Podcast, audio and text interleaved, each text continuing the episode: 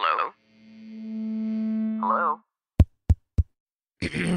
Podcast Network Asia. Lisir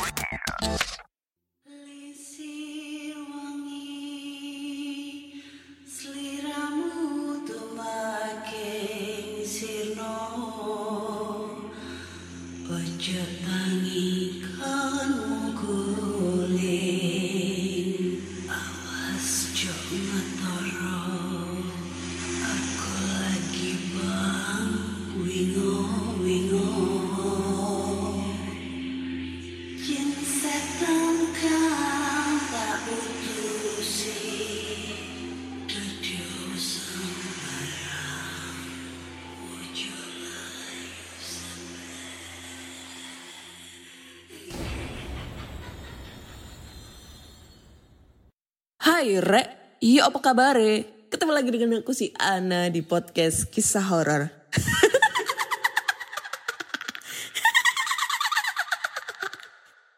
Ketemu lagi di episode 140 dan di episode kali ini aku akan bacakan cerita horor ataupun email berhantu yang sudah dikirimkan teman-teman melalui podcast kisah horor at gmail.com atau DM Instagram podcast kisah horor, DM Instagram Ana Olive serta Google Form yang linknya tersedia di bio Instagram podcast kisah horor. Sebelum aku membaca cerita horor nih ya eh, dari teman-teman, sorry banget kalau di luar kedengeran suara eh, apa namanya burung-burung berkicau dan percikan-percikan air ya, karena ini recordnya siang hari, nggak siang sih pagi ya, karena sebenarnya sih kemarin tuh udah record cuma nggak tahu kenapa laptopnya error gitu gak bisa dinyalain di otak atik juga gak bisa gitu. Jadinya agak kurang maksimal banget kalau aku rekaman di siang hari. Tapi karena ini udah jadwalnya jadi ya mau nggak mau harus kita update cerita terbaru gitu. Terus aku juga mau nge-review eh, tentang film. Yang film horor yang kemarin tayang di bioskop. Kalau kalian pernah nonton The Medium filmnya orang Thailand eh, ceritanya tentang exorcism exor exorcism. Apaan sih? Ya kesurupan lah ya. Dukun perdukunan dan kesurupan. Ya aku bingung dengan materi ceritanya ya. Apa ya intinya itu eh, isi ceritanya itu kayak gimana? Karena endingnya itu kayak kurang gimana gitu? Kayaknya gantung banget endingnya. Karena pemerannya mati semua tinggal yang kesurupan itu yang masih hidup gitu loh. Jadi nggak tahu eh, kelanjutan ceritanya tuh gimana? Kayaknya nggak ada kelanjutan cerita cuma eh, apa namanya ngegantung banget. Jadi kurang recommended banget untuk ditonton. Tapi kayaknya udah udah udah nggak tayang lagi ya di bioskop. Udah keganti sama Eternals Woi, keren tuh film Eternals. Udah nonton gua. Kalau Marvel mau nonton semua. Oke, langsung aja kita bacakan cerita horor dan cerita pertama ini datang dari email. Ini datang dari siapa? Kita bacakan dulu. Eh, cerita kali ini datang dari eh, dari yang tidak mau disebutkan namanya. Eh, kita sebut namanya Wiji, ya Wiji. Halo Kak Ana, apa kabar? Semoga sehat selalu. Kenalin, aku Wiji dari Bandung. Aku mau cerita salah satu pengalaman hororku. Kebetulan punya banyak banget, tapi nanti aku ceritain yang lainnya ya. Aku anak kedua dari dua bersaudara. Aku punya seorang kakak perempuan yang berbeda 6 tahun dengan usiaku. Orang tuaku bekerja di salah satu kedinasan yang berhubungan dengan keamanan negara. Tapi bukan yang suka banting-banting pendemo ya. Oh, paham. Sebetulnya aku lahir di Pasuruan, Jawa Timur. Tapi semenjak TK sudah pindah ke Jawa Barat sampai saat ini. Biasalah, resiko pekerjaan orang tua yang harus berpindah tempat kerja. Sebagai anak, ya aku ikut aja. Aku sempat tinggal lama di Parongpong, Kabupaten Bandung Barat. Cukup lama, sekitar 12 tahun. Kalian tahu nggak Villa Istana Bunga? Ya, rumahku dekat sekali dari situ. Mohon maaf, nama kompleks atau tempat gak bisa aku kasih tahu. Kompleks dinas yang aku tempati selama 12 tahun itu sudah ada sejak zaman Belanda. Tahu kan rumah desain Belanda seperti apa? Langit-langitnya tinggi sekali, lebih dari 2 meter. Ciri khas jendela yang diberi besi, pintu kayu tebal, dan ventilasi yang berbentuk setengah lingkaran. Kompleks rumah dinas ini sangat luas sekali. luas banget. Terdapat banyak kompleks hingga ke bagian atas dekat gunung Takuban Perahu. Di bagian atas kompleks ini juga terdapat banyak kandang kuda yang memang digunakan oleh pegawai di sini atau orang atau atlet yang ingin berlatih. Rumahku ini berada di kompleks paling depan sekitar 50 meter dari pagar tinggi besar dan pos provos. Kompleks yang aku isi tersebut memang dikhususkan untuk pegawai yang memiliki jabatan. Kebetulan bapakku memiliki jabatan yang lumayan pada saat itu. Bapakku bekerja tidak jauh dari rumah dinas karena memang satu area. Posisi rumahku berada di ujung paling kiri dekat dengan kolam ikan tua dan pohon alpukat yang tinggi, besar, dan rimbun. Di depan rumahku ada masjid yang biasa ramai pada jam-jam sholat. FYI, pohon alpukat itu jarang berbuah. Sekalipun berbuah selalu busuk. Kondisi rumahku ini cukup angker. Banyak sekali cerita horor yang aku, kakak, ibu, dan bapakku alami. Walaupun mungkin orang berpikir kenapa takut, orang rumah aku depannya terdapat masjid tapi tetap saja berbeda. Kalian tidak akan tahu bagaimana rasa dan suasananya. Oke, langsung saja.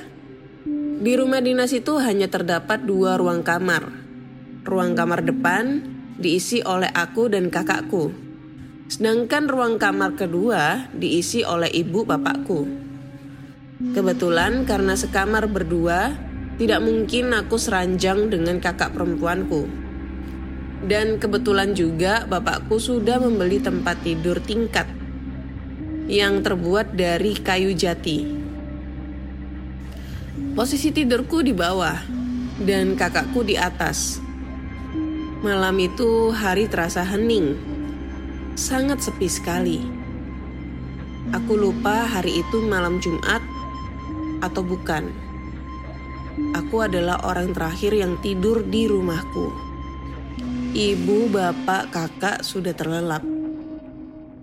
Kebiasaanku saat tidur aku memakai dua guling dan dua bantal yang selalu aku susun mengelilingi badanku. Entah kenapa suka dan merasa nyaman. Guling di sebelah kiri dan kanan. Bantal satu yang kujadikan alas kepala dan satu bantal lagi di sebelah kanan. Aku berusaha untuk tidur pada malam itu, namun tidak bisa. Padahal sebelum menuju ke kasur, aku sangat ngantuk.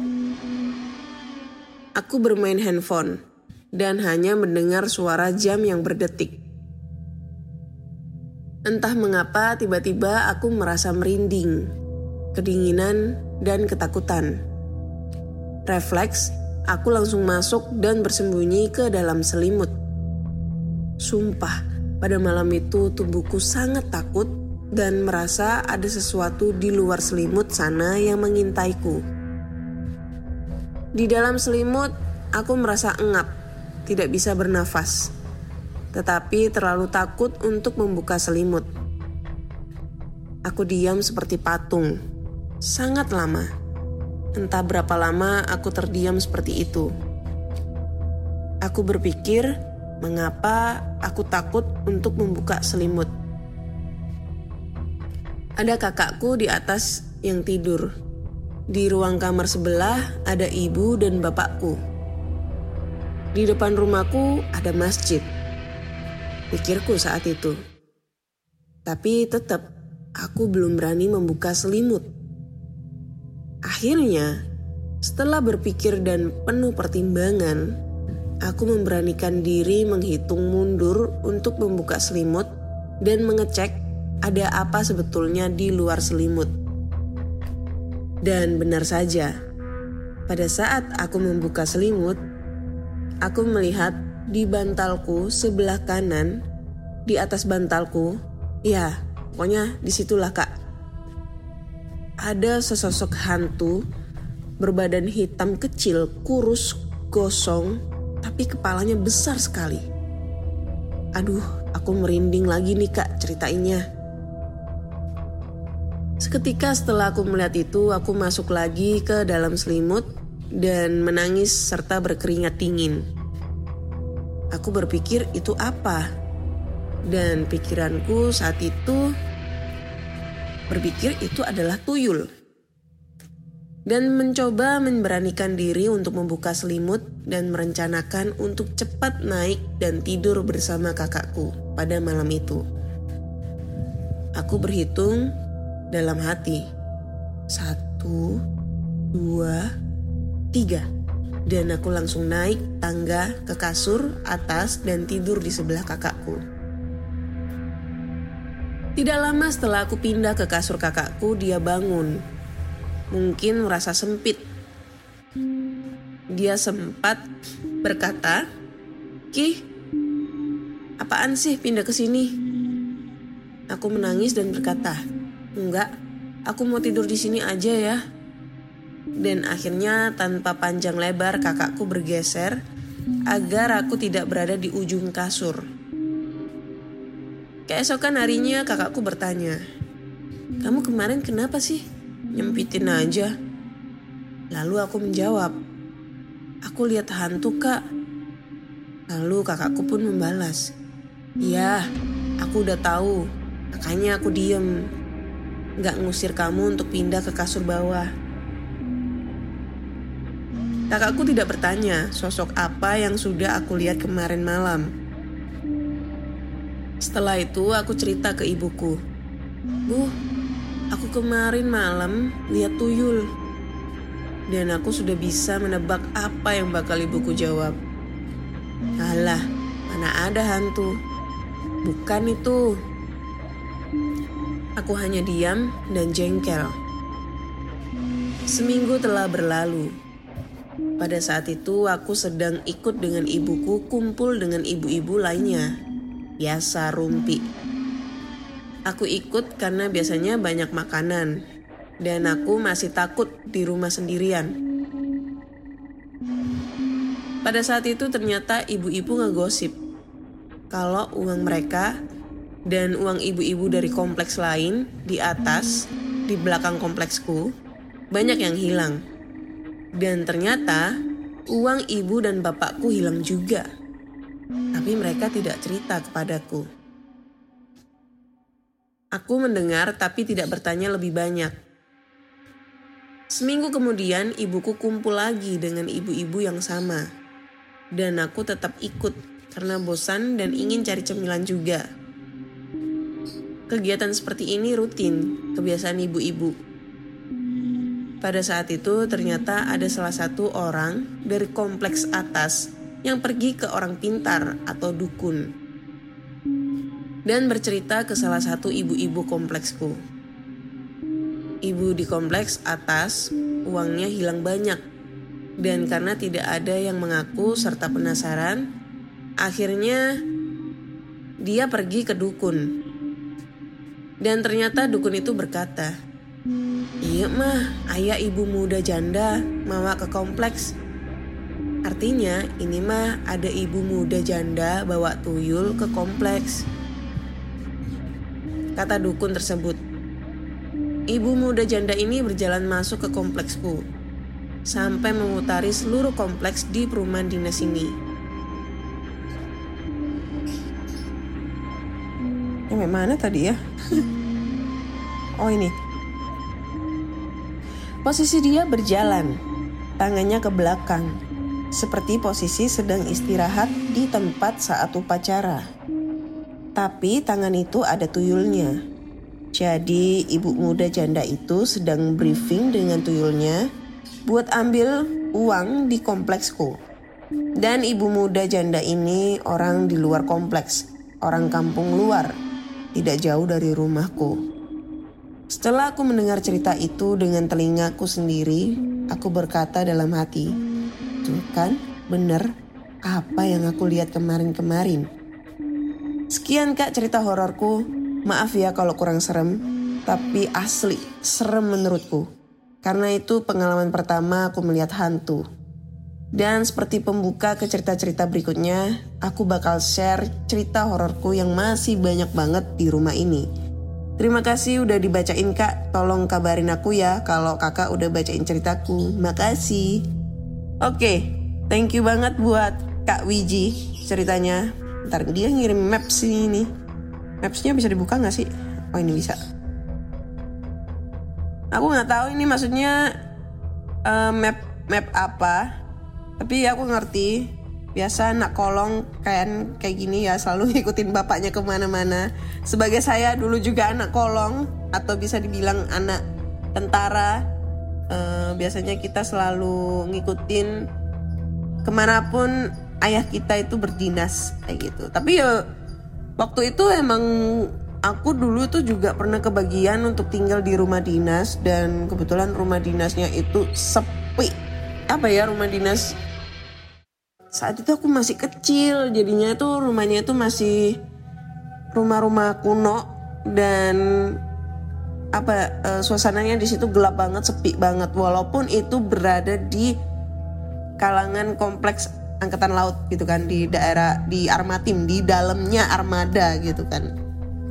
Kalau sekarang kan udah udah ada flat-flat tuh. Uh, flat yang rumah susun. Kalau dulu sih masih rumah dinas yang kayak rumah-rumah jadul dulu gitu. Dan itu ya bener. Uh, apa ya?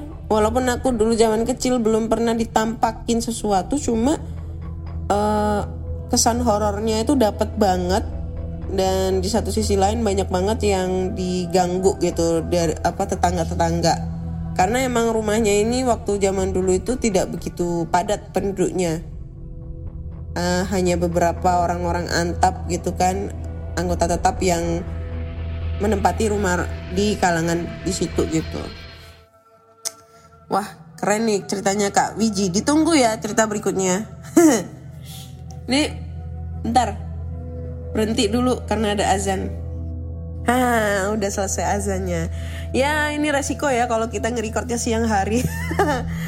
uh, ada suara burung berkicau, ada suara motor lewat, tetangga yang lagi gibah, dan tadi suara azan ya.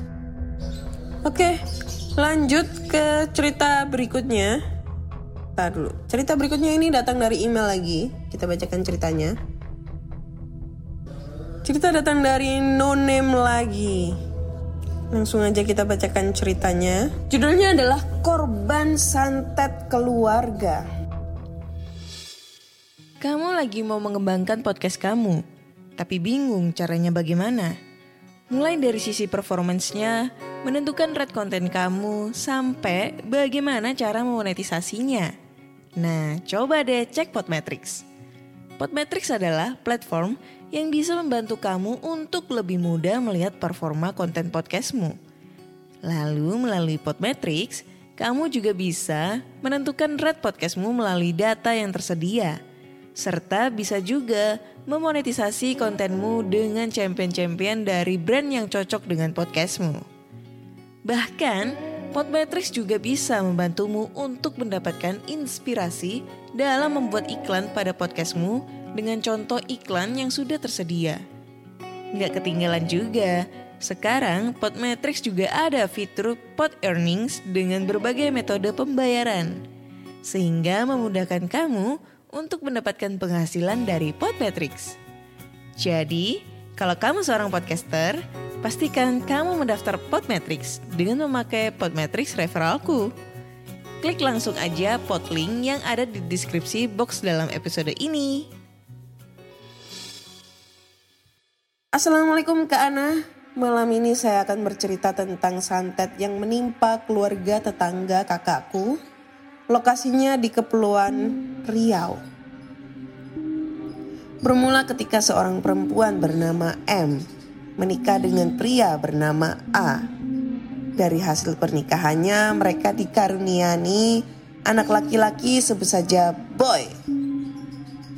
Mereka bisa dibilang orang kaya karena mereka memiliki usaha yang cukup bagus.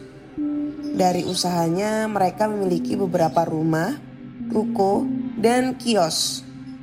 Hanya saja tetangga bilang jika kesuksesan mereka tidak mungkin murni alias menggunakan bantuan pesugihan.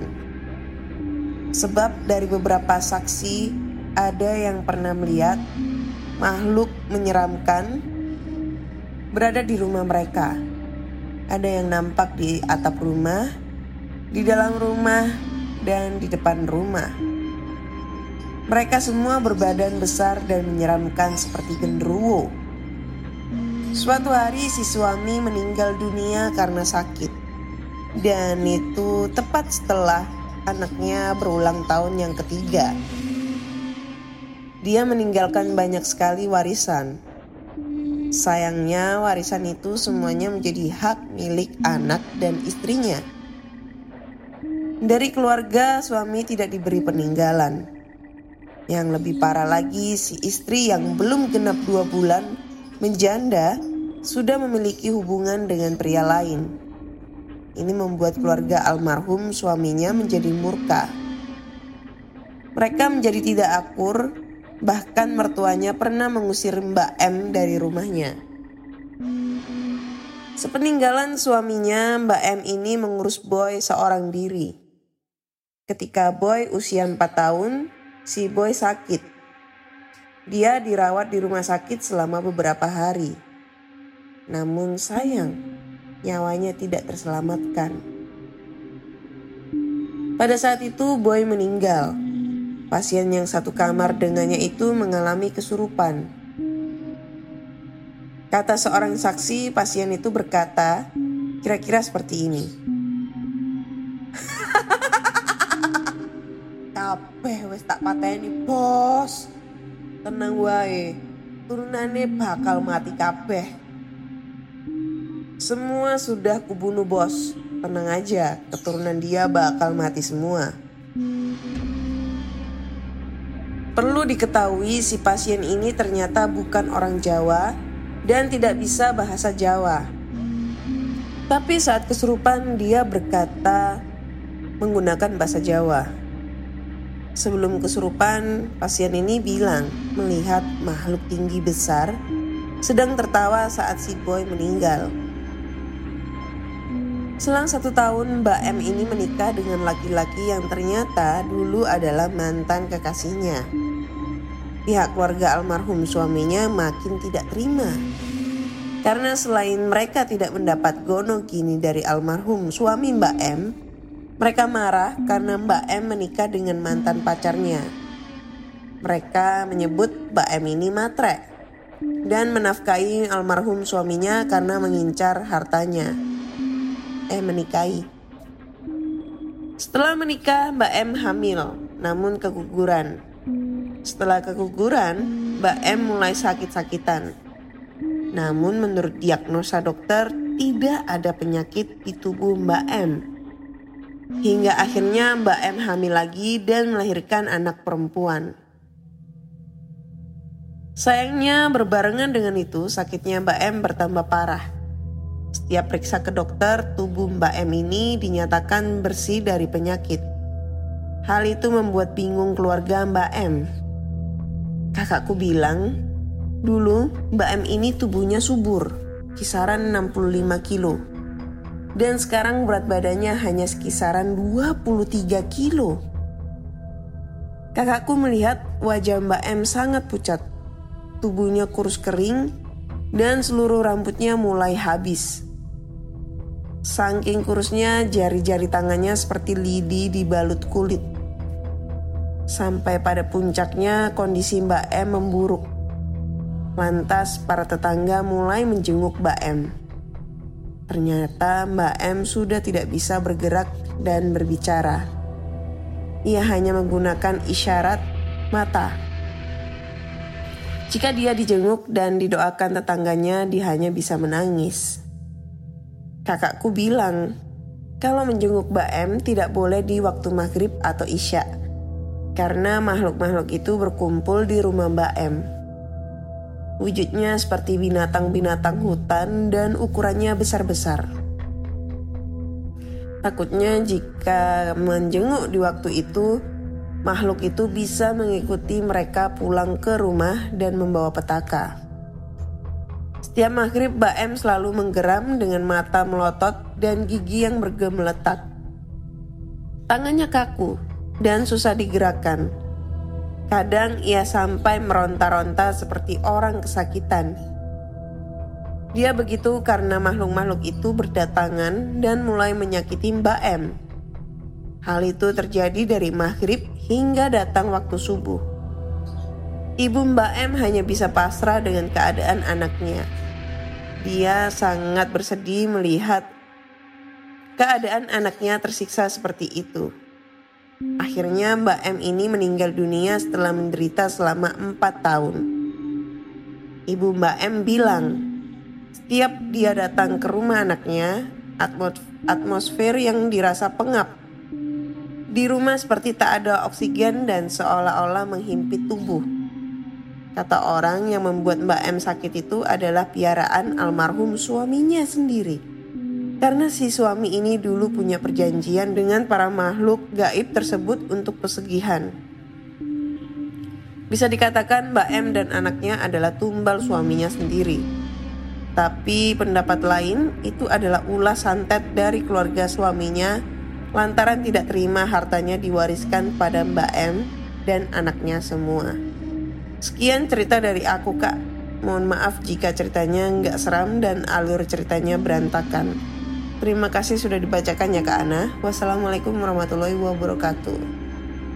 Oke, okay, thank you banget buat Mbak yang seki, udah sekian kalinya kirim cerita ke podcast kisah horor ya. Mohon maaf banget kalau semisalnya di episode kali ini agak kurang nyaman untuk ngebacain cerita horornya karena itu tadi dibacainya siang hari ya banyak banget gangguan-gangguan suara-suara goib di luar sana apalagi barusan ada sari roti lewat kan berasa lapar banget gitu ngedengerin sari roti lewat. Ini bisa jadi ya kalau misalnya pengalaman ini bisa jadi yang pertama kalau misalnya ini santet dari keluarga sih enggak kali ya. Maksudnya dari keluarga si laki-laki kayaknya enggak. Uh, terlalu sadis banget. Tapi kalau misalnya ya Allah alam ya kalau misalnya ini karena pesugihan itu bisa jadi. Kenapa uh, bisa meninggal semua ya itu karena itu tadi yang sudah dijelaskan karena mereka uh, si suaminya ini sebelum meninggal itu sudah punya perjanjian dengan si makhluk halus tersebut, uh, si makhluk goibnya. Kalau semisalnya itu mungkin kan biasanya kalau orang melakukan pesugihan kan ada perjanjian bahwa bahwa ini apa namanya kayak bakal setiap malam Jumat bawa korban, tumbal dan lain-lain gitu kan. Tapi kalau misalnya mereka si pelaku ini ya pelakunya itu lupa atau mungkin lalai atau mungkin secara sengaja tidak memberikan tumbal nanti si makhluk goibnya itu akan merenggut salah satu nyawa anggota keluarganya nah itu secara berturut-turut ibaratnya itu dia sudah melanggar perjanjian dan apa hukumannya akan diganti dengan nyawa. Kayak gitu sih. Itu yang sering aku lihat di TV-TV habis itu ini pernah terjadi sama tetanggaku dulu yang di rumah lama. Sama banget kondisinya. Maksudnya dalam arti kondisinya ya. Itu dia kena santet juga tetanggaku. Jadi ibunya ibunya sama juga cewek. Ibunya itu kena santet dari rekan kerja bisnis dari siapa? Uh, suaminya si ibu ini. Uh, kondisinya juga sangat sama sekali mengenaskan. Tubuhnya itu kurus kuring kering cuma cuma tinggal tulang sama kulit aja. Jadi kayak berasa kayak mayat hidup gitu. Dan didiagnosa dokter itu nggak ada penyakit paling yang didiagnosa dokter itu penyakit lambung karena pada saat dia maem atau minum itu mesti keluar lagi. Cuma tidak ada luka di dalam lambungnya, ibaratnya kayak asam lambung gitu loh. Tapi kan kalau asam lambung itu mungkin tidak separah yang diderita beliau kayak gitu kan sampai kurus kering ibaratnya itu kayak kayak penyakit busung lapar kurus kering tapi perutnya itu kempes juga. Kalau busung lapar kan perutnya kan kembung tuh. Cuma kalau tangan kaki badan itu kan kurus kering kalau ini all overall uh, kering kurusnya. Dan nggak lama kemudian bertahan satu bulan di rumah sakit akhirnya meninggal itu. Dan ditahu ternyata dia dikirim santet gitu. Karena ya uh, persaingan bisnis gitulah ibaratnya kayak gitu. Kasihan banget sih sebenarnya kalau kalau sampai ada kayak gitu. So buat teman-teman udahlah nggak usah main-main pesugihan ya. Uh, sayangi keluarga. Apa adanya bekerja dengan bekerja dengan uh, hasil yang halal. Jangan sampai melakukan hal-hal yang negatif yang tidak di yang dibenci sama Tuhan kayak gitu. Kayaknya cukup sekian dulu aja lah cerita kali ini karena jujur nggak nyaman banget aku cerita di siang hari tapi mau nggak mau aku harus dituntut untuk up episode terbaru ya thank you banget ini sebenarnya dua cerita tuh ceritanya bagus-bagus semua tapi mohon maaf banget kalau misalnya aku ngebacainnya kurang maksimal ya Thank you banget buat semuanya yang udah ngedengerin podcast kisah horor sampai detik ini. Ditunggu cerita-cerita lainnya. Langsung aja kirim ke podcast kisah horor at gmail.com atau Google Form yang linknya tersedia di bio Instagram podcast kisah horor. Jangan lupa follow juga podcast kisah horor di Spotify, di Apple Podcast ataupun di Noise karena podcast kisah horor sekarang sudah bisa didengerin di Noise. Dan jangan lupa follow juga Instagram podcast kisah horor karena nanti bakalan ada kejutan-kejutan giveaway lainnya yang bakal menanti kalian.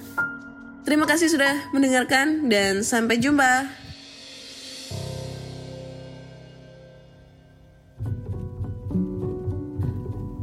Pandangan dan opini yang disampaikan oleh kreator podcast, host, dan tamu tidak mencerminkan kebijakan resmi dan bagian dari podcast Network Asia. Setiap konten yang disampaikan mereka di dalam podcast adalah opini mereka sendiri dan tidak bermaksud untuk merugikan agama, grup etnik, perkumpulan, organisasi, perusahaan, perorangan, atau siapa pun dan apa pun.